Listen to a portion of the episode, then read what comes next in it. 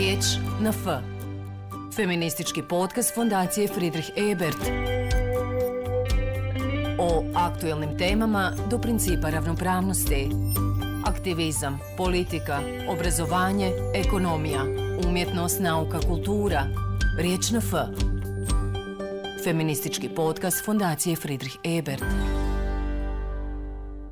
Pa ja sam jedna žena, rekla bi se u najboljim godinama, skoro 50, koja jako dugo radi kao novinarka i to u samo jednoj kući, a to je radio televizija Bosne i Hercegovine. I zato BHRT je za mene zaista jedna posebna emocija. Ja znam sve mane ove kuće trenutno, osjećam ih i one me bole, ali pokušavam svaki dan da nešto ispravim, da nešto dobro uradim, da napravim neki dobar razgovor, intervju koji će možda vratiti neki mali dio ove kuće na njeno mjesto koje joj pripada, jer ona luta još uvijek i ne zna gdje bi i kako bi, što apsolutno nije čudno s obzirom da je na neki način slika i prilika društva u kome živimo. Riječ na F. Feministički podcast Fondacije Friedrich Ebert. Možemo li poći od ove perspektive? Kome je u interesu danas da ima kvalitetan javni servis Bosne i Hercegovine? Ovo pitanje postavljamo Ermini Hrustemović, novinarka i urednica u informativnom programu na BH Radio 1, dakle radijski segment javnog servisa Bosne i Hercegovine. Ja sam Ines Baštalić, moje zadovoljstvo Erman razgovarati sa tobom. Dakle, kome jeste danas u interesu, a kome nije imati kvalitetan javni servis? Interes je građana Bosne i Hercegovine da imaju jak i respektabilan javni servis. Oni jednostavno imaju pravo na jednu relevantnu, činjeničnu, bazičnu, jednostavnu i istinitu informaciju. Njihovo pravo je naša odgovornost. Mi koji ovdje radimo zapravo moramo biti svjesni da radimo za dobrobit svih. Međutim, tu je sad pregršt nekih slojevitih problema, jer prvo ti kažeš javnost. Kod nas su javnosti, najmanje tri i više. Mi se dakle obraćamo javnostima koje su opterećene različitim što historijskim, što političkim, što ekonomskim i svim ostalim inim problemima koje muče ovu zemlju. Kao novinari radio-televizijskog servisa trebali bi da zadovoljimo sve njihove interese. Dakle, u interesu je građana prvenstveno da imaju kvalitetan javni servis. Što znači, s obzirom na situaciju u kojoj se nalazi BHRT danas, da je ta potreba građana u suprotnosti sa potrebama političkih elita. Apsolutno. Ono što su već rekli prije mene ljudi jeste da javni servis pogotovo BHRT, tu uglavnom mislim na BHRT, na sreću nije zanimljiv ovim sad nacionalnim političkim partijama i upravo zbog toga se nalazi u tako teškoj situaciji.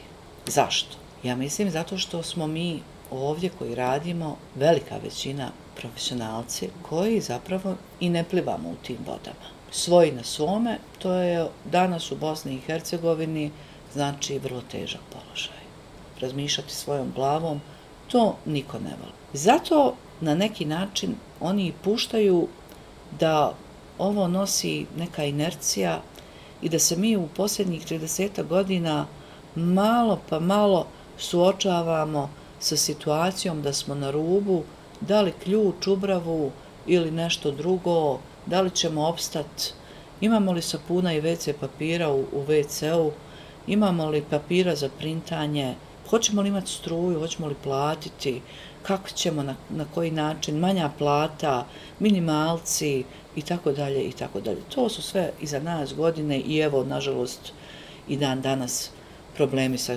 kojima se suočava BHRT.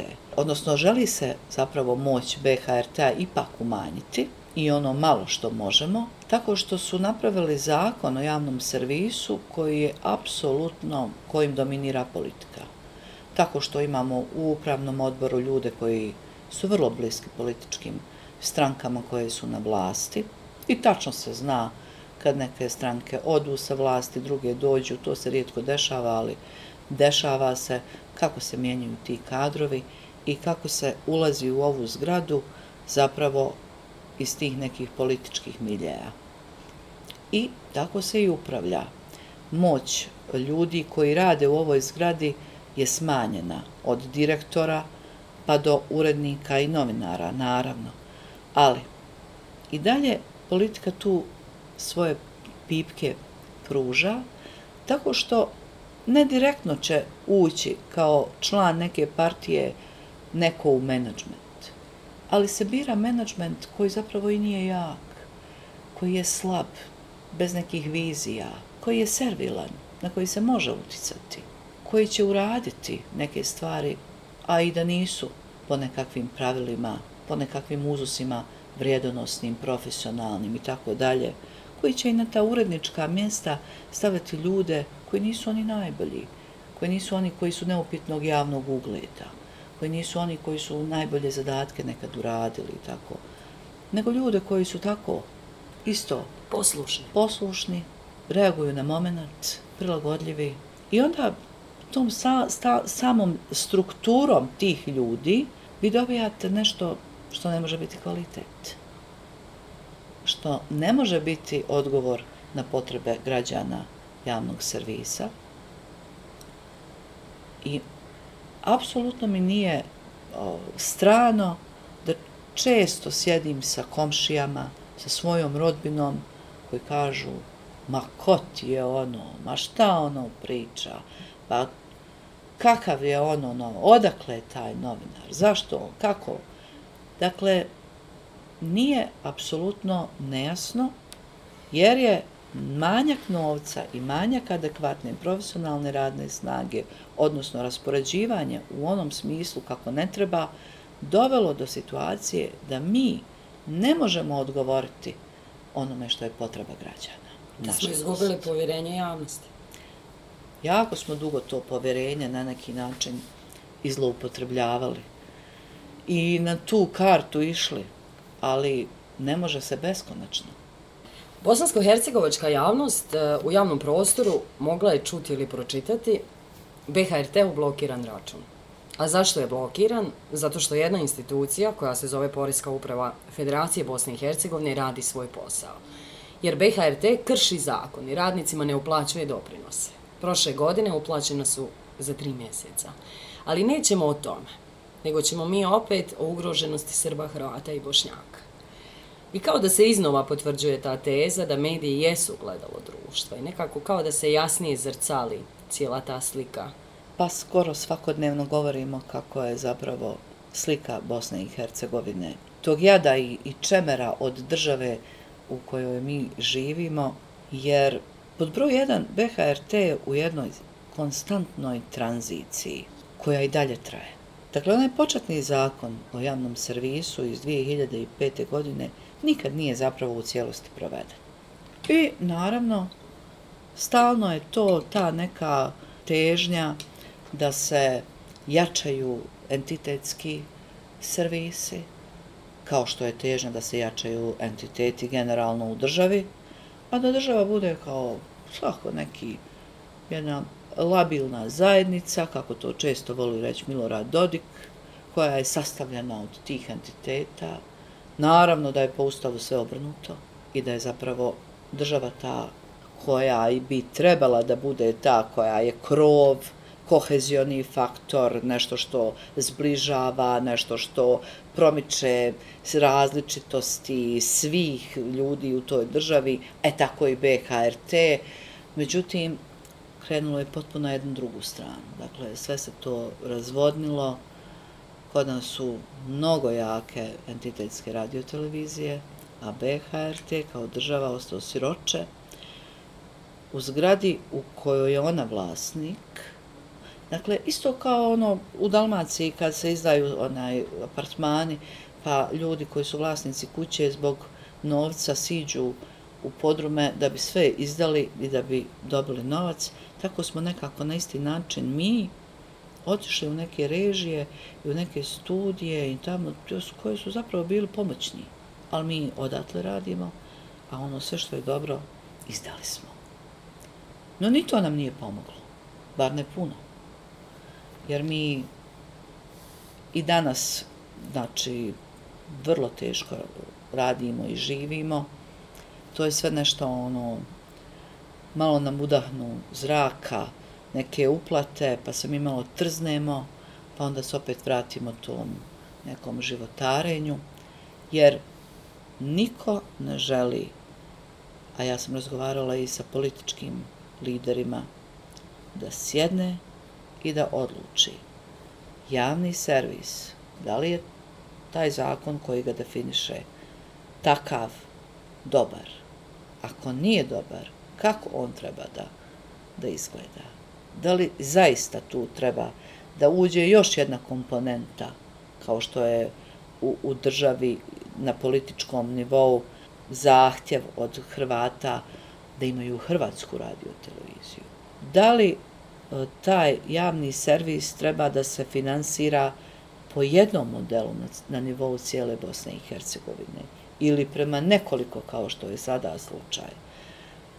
Da li ta korporacija nam treba ili ne treba, ili da svi dijelovi dakle, javnog servisa uzmu dio radnika koji su snimatelji, tehničari i o njima vode račune. Dakle, to se apsolutno od 2005 evo dakle skoro 17-18 godina nikad nije sjelo na političkom nivou da dogovara, a BHRT bez adekvatnog zakona će stalno biti na nekoj vjetrometini i stalno u opasnosti da ili se ukine ili nastavi raditi. Ona mantra da je ono potrebno na putu ka Evropskoj uniji i tako dalje, mislim da to puno ne pije vode, sve što nam je nešto potrebno, pa ništa se to ne rešava, tako što bi onda radio televizija Bosne i Hercegovine, do tog rešenja nema. Što se tiče Srba, Bošnjaka i Hrvata, ova kuća je radila i u ratu sa ljudima različitih nacionalnih opredeljenja, vjerskih. Ja prosto nisam znala ko je šta, ko.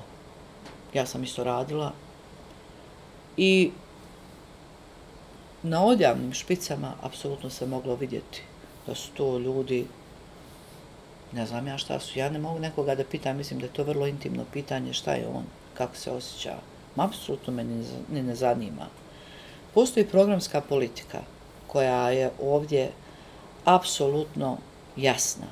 Dakle, informacija mora biti provjerena, kredibilna, da bi otišla van u, u eter. Ne moramo mi biti prvi koji ćemo objaviti neku informaciju ali ta informacija mora biti tačna. Tako da vi imate sad more portala, web stranica, društvenih mreža za kojima se vi ne možete utrkivati. Apsolutno. I ne treba. I ne treba. Oni i nemaju odgovornost. Apsolutno. Ni ne moraju imati. To može svak, sad danas svak može nešto napisati, postaviti na internet koliko ćemo vjerovati, naravno, zavisi od naše medijske pismenosti, ali stalni je, stalni je e, intencija, e, nekakva upozorenja ljudima da ne vjeruju onome svemu što je napisano na internetu. On kaže, ograničen intelekt i neograničen internet, užasna kombinacija. Mislim, stvarno jeste. I zato je javni servis tu da ipak kredibilan da je jasan i tačan i na neki način, ako želite da proverite informaciju koju ste dobili mnogo prije nego što smo je mi objavili, ja mislim da je plus za nas ako okrenete radio i čujete vijesti i kažete, kad mi kažemo tu informaciju, kažete, a, znači ovo je tačno. Ja, negdje, mi na radiju imamo, a to je dobro u jednom trenutku primijetio Rambo Amadeus. Danas generalno u novinarstvu i medijskoj slici. Mi počinjemo vijesti vrlo često šta je ko od političara rekao, a ne šta je uradio. Kad bismo šta je uradio, mislim da ne bi ni bili, imali vijesti tačno, mislim. To su kao ljudi koji određuju našu sudbinu. I sad mi po nekakvim tradicionalnim prioritetima idemo, pošto je to neki državni nivo, a mi se bavimo državom, idemo od tog vrha i naravno uvijek je kazao, dodao, istakao, naveo i tako dalje. I posle toga sigurno idu neki nemiri, odnosno Reakcije? reakcije i onda se to zakuhava i tako radimo informativni program. Mi u informativnom programu ne možemo krivi biti za to, zato što mi moramo prenijeti ono što je bilo. To je dnevno politički program. To u njemu ime govori, znači centralna informativna emisija, to je nekakav zbir događaja koji su taj dan obilježili i, nažalost, uglavnom se to ponavlja. Često mi kažemo, mogli smo, ne znam, vijesti iz 2017. možda danas pustiti. Jer malo se tu šta mijenja. Pa i akteri same priče. Pa Vas da isti. Tako da, apsolutno se slažem, a kad hoćemo da nekog vidimo šta je uradio, onda pravimo priče. Međutim, nažalost, nemamo mi snage za neke detaljne priče, jer javni servis danas radi sa novinara na knap negdje. Ako se smjene raspodijele, vrlo malo ima ljudi koji bi uh, mogli ući u istraživačko novinarstvo baš onako kako ono i treba da bude, čime se bave sad, nažalost, neke nevladine organizacije koje se finansiraju stranim novcem, ali se bave samo tim, oni nemaju ni program, ni ostalo. Mi imamo jedan kanal, kanal koji mora da na neki način odgovori potrebama svim, dakle i edukativnim, i dječijim, i obrazov, i političkim, i kulturnim, Zapravo, i sportskim. Zapravo, kad si svači, onda si niči. Pa, to je danas najlakše biti ničiji. Nekako po sredini, mi smo svi obično konformisti, neko malo manje, neko malo više, često se zadovoljavamo površinom, nekako je tako lakše živjeti. Ali bude tu i dobrih priča, jer neke kolege baš zapnu, da im se malo više prostora i progovore, a i dobrih razgovora, intervjua. Mislim da je to na neki način ono što ovaj radio ima baš ovaj, na jednom visokom standardu, jer taj razgovor nije uvjetovan nekakvim pitanjima koje se smiju i koje ne smiju. Kolege koje ja uvažavam i znam da smo u istim problemima, lijepo rečeno, ovaj, to rade dobro. E, upravo zato što, mislim, nema nekog pritiska tih političkih moćnika, jer misle da je radio, neko će čut, neko ne, neće. Sve to ode u eter, brzo se zaboravi.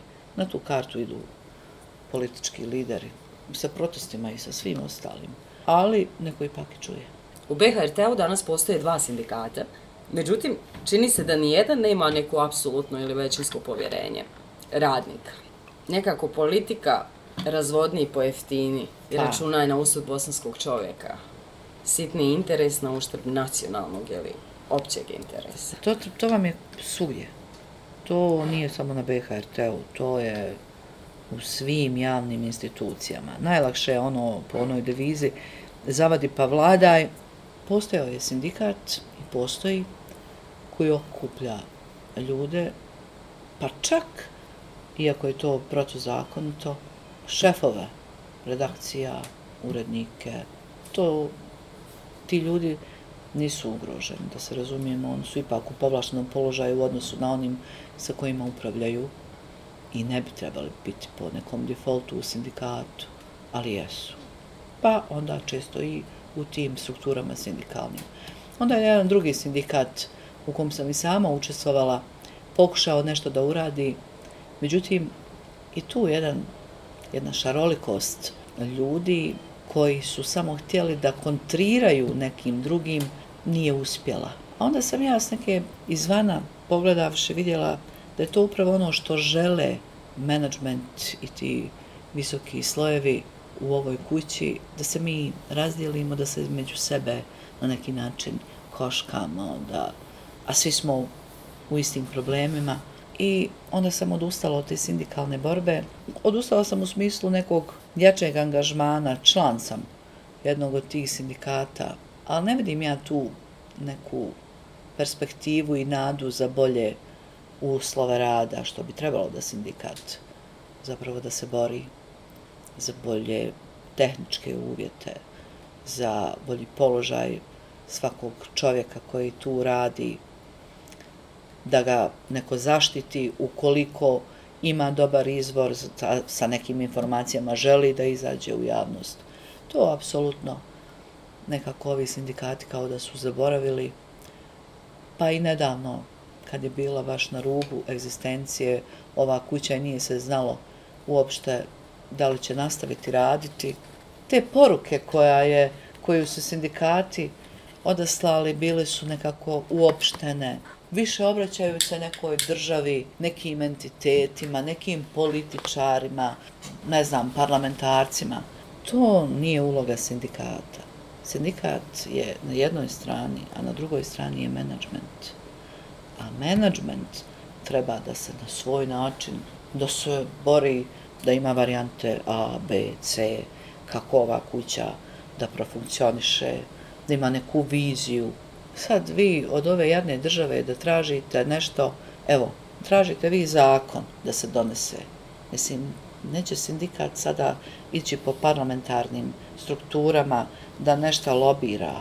Ima neko drugi ko to treba da radi. Šta radi upravni odbor, šta radi menadžment. Ko je plaćen za to? Oni su plaćeni da rade, da vide dokle je taj zakon, kako bi taj zakon trebao da izgleda, gdje treba da se obrate, da tu malo pritisnu. Ako imamo ministarstvo za komunikacije, da budu u njihovim uredima, da stalno se vrši nekakav pritisak, da se tu stvari urede. A radnici i sindikat treba da se bore da bude redovna plata, da bude dobra plata, da se sve izmiruju obaveze prema radnicima i tako dalje. Onda se to sve razvodnjava i na kraju uglavnom, a i dan danas nije bilo ništa, evo i sad mi smo malo ko prodisali, neko će nam nešto uplatiti i dalje nemamo sistemsko finansiranje i nije ništa riješeno. Bez sistema i nekog reda nema napretka nikome u ovoj zemlji. Ja sam vrlo emotivno vezana za ovu kuću. Ovdje sam upoznala svog supruga. Mi smo oboje tu radili. On je nedavno otišao u penziju. To je zapravo ja, pitanje tu... gdje bi te voljela prekinuti. Pokušavamo oslikati kroz ovaj razgovor i taj neki duh koji s javnog servisa se može oslikati na cijelokupno bosansko-hercegovačko društvo. Dakle, ti si životna partnerica Mirze Hrustemovića, on je više od 20 godina bio i selektor reprezentacije sjedeće odbojke Bosne i Hercegovine, najtrofejnije selekcije, koja je osvojila 24 od 22 medalje sa velikih takmičenja.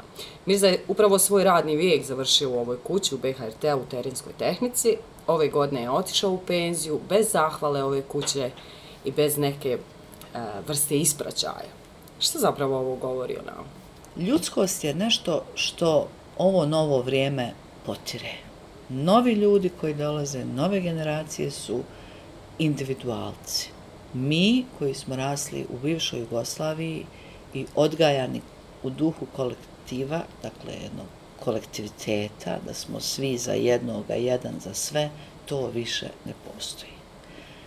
Danas smo baš ono što smo mi nekad govorili, pravi englezi.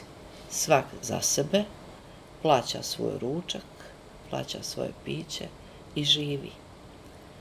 Ti si dobar dok nekome nešto trebaš. Ako ne trebaš, ti više nisi potreban. To je kapitalistička logika. Potpuno, ali mi i živimo u kapitalizmu. Ali nikako da se prebacimo u glavama, bar ja i moje generacije, da je to tako. Ali kapitalizam ne voli solidarnost. Ma solidarnost ne postoji u kapitalizmu. Postoji samo profit, postoji samo interes. Tu negdje može da se neko zaluta, ako ne je shvatio to, kao što mi neki nostalgičari nismo, pa se još bunimo zato što nismo svi jednaki, nemamo svi ista prava, ovo ono. Međutim, to je u kapitalizmu apsolutno jednostavno tako. Niko nema ista prava. Kakva prava? onaj ko je jak i koji je moćan, on odlučuje. Ko ima novac. A on ima novac, ima sve. Ni politika više u ovim velikim svjetskim zemljama, silama, ne određuje ono što će oni raditi, nego određuju korporacije. Tako da ne trebamo biti previše emotivni i romantični. Jedan me opis uhvatio i nije me još pustio, a zanima me kako bi ga protumačila s obzirom na bogato iskustvo pred mikrofonom. Iskustvo, dakle, i ratnog novinarstva, ovo mirnodopsko, etničko, a ne etičko, pandemijsko, pa i ovo poslije pandemijsko, ostkano ratom Ukrajina-Rusija. Ovako zvuči. Medijsku kulturu današnjice kreiraju javne korporacije. One su najčešće povezane sa političkim elitama, kreiranjem spektakla zavode javnost i zadržavaju joj pažnju. Političke odluke donose se izvan općeg javnog diskursa, ali se spektaklom od javnosti iznuđuje pristanak za njih. To je tačno. Gdje je u svemu tome ono javni servis? Sutra. Ha, javni servis mora nekako sad, ono što kažu, da bude i zabavan i informativan. On stvarno mora napraviti jednu, jedan veliki korak. Evo, kad pogledate u okruženju jake javne radiotelevizijske sisteme, radiotelevizija Srbije, radiotelevizija Hrvatske. Dakle, to su jaki RTV sistemi, međutim, oni imaju po nekoliko kanala. Sa tim kanalima čovjek će zadovoljiti ono što mi ne možemo sa jednim. Kad ćemo mi uspjeti to? Nećemo sigurno skoro. Jer zato je potrebna jaka finansijska podrška. Televizija je jako skupa igračka. Radio manje, ali isto tako zahtjeva novac. Ako želite informaciju sa cijelog prostora Bosne i Hercegovine u tom trenutku kad jeste, kad se dešava, dakle, morate imati novinare u svakom kutku ove zemlje da bi bili javni servis. Mora biti uključen i Bihać, i Banja Luka, i Tuzla, i Zenca, i Sarajevo, Mostar, i Bileća, i Trebinje, i Kotorvaroš, i Livno, i ne znam nija. Sve to treba platiti. E sad, informacija nije više samo dati informaciju. Tu informaciju treba i obrazložiti, neka treba analizirati. Trebaju emisije koje će se voditi i koje će biti pristupačne ljudima sa gostima, sa eminentnim stručnjacima, da bi se nešto objasnilo. S druge strane, trebaju nam i zabavne emisije sa ljudima koji pjevaju, koji glume, koji su kulturnjaci. Treba nam kviz, treba nam sport. Sve nam to treba i sve to košta. Mi se ne trebamo baviti spektaklom, senzacijom, to ne, ali dobrim show programom, kulturnom emisijom, filmom, dramom, serijom, to je naša obaveza. Mi to moramo naći novac da isfinansiramo, ako želimo da odgovorimo na sve ove potrebe javnog servisa. Kako ćemo naći novac ukoliko nam stoje za vratom ovi problemi koje sam govorila sa početka? Nikako.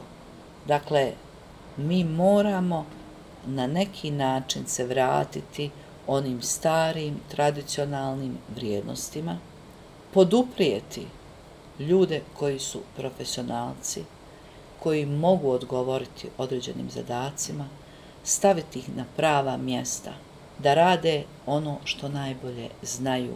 To mogu samo ljudi koji nisu isfrustrirani trenutnom političkom situacijom u zemlji, a da ne kažem pipci koji provode te političke zahtjeve različitih stranaka, nego profesionalci koji rade opet dobro svoj posao i znaju razumjeti i osjetiti kod čovjeka svog novinara šta on zna i šta on najbolje umije da ponudi građanima koji slušaju ili gledaju radio televizijski servis. To je ono što moramo vratiti sve na svoja mjesta. Ja kad sam počela raditi ovdje 94. godine u ratu, ova kuća je još imala jako dobro uvezan sistem rada koji je zapravo datirao iz radio televizije Sarajevo, koja je bila dio jugoslovenskog radiotelevizijskog sistema. Tu su bili urednici, ljudi koji apsolutno su znali rad svoj posao i koje sam ja poštovala, a svojim znanjem, emisijama, onim što su nudili programu, ja sam to vidjela, čula i pokušavala dostići. To je vrlo jasno. Televizija, radio, javni servisi, to je apsolutno nešto što vi vidite. Da li neko zna ili ne zna raditi. To se ne može sakriti. Dakle, vi kad čujete kako neko kaže informaciju i plasira je, vi osjetite da li on njom vlada, razumije je i onda vama objašnjava. Ako je drugačije, vi to također osjetite. I naravno imate svoj stav prema tome. Kredibilitet ova kuća može imati samo ukoliko ima jake profesionalce na pravim mjestima i koji će ponuditi pravi program, onaj koji oni rade na vrhunski način. Ništa manje nisu naši građani zaslužili od toga. Oni su zaslužili da imaju apsolutno pravu, kvalitetnu informaciju, program, bilo šta od ovog servisa. S tim što kažem, tu treba pobijediti mnoge stvari, a prije svega te političke interese i ovoj kući adekvatan zakon napraviti po kom će ona raditi.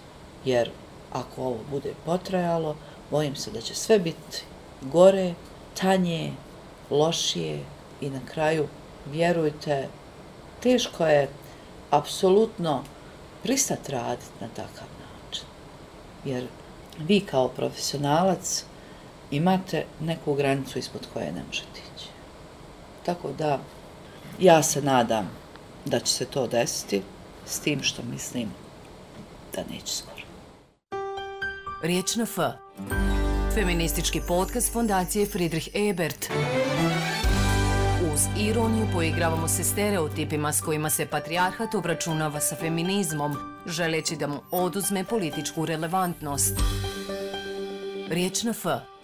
Feministički podcast fondacije Friedrich Ebert.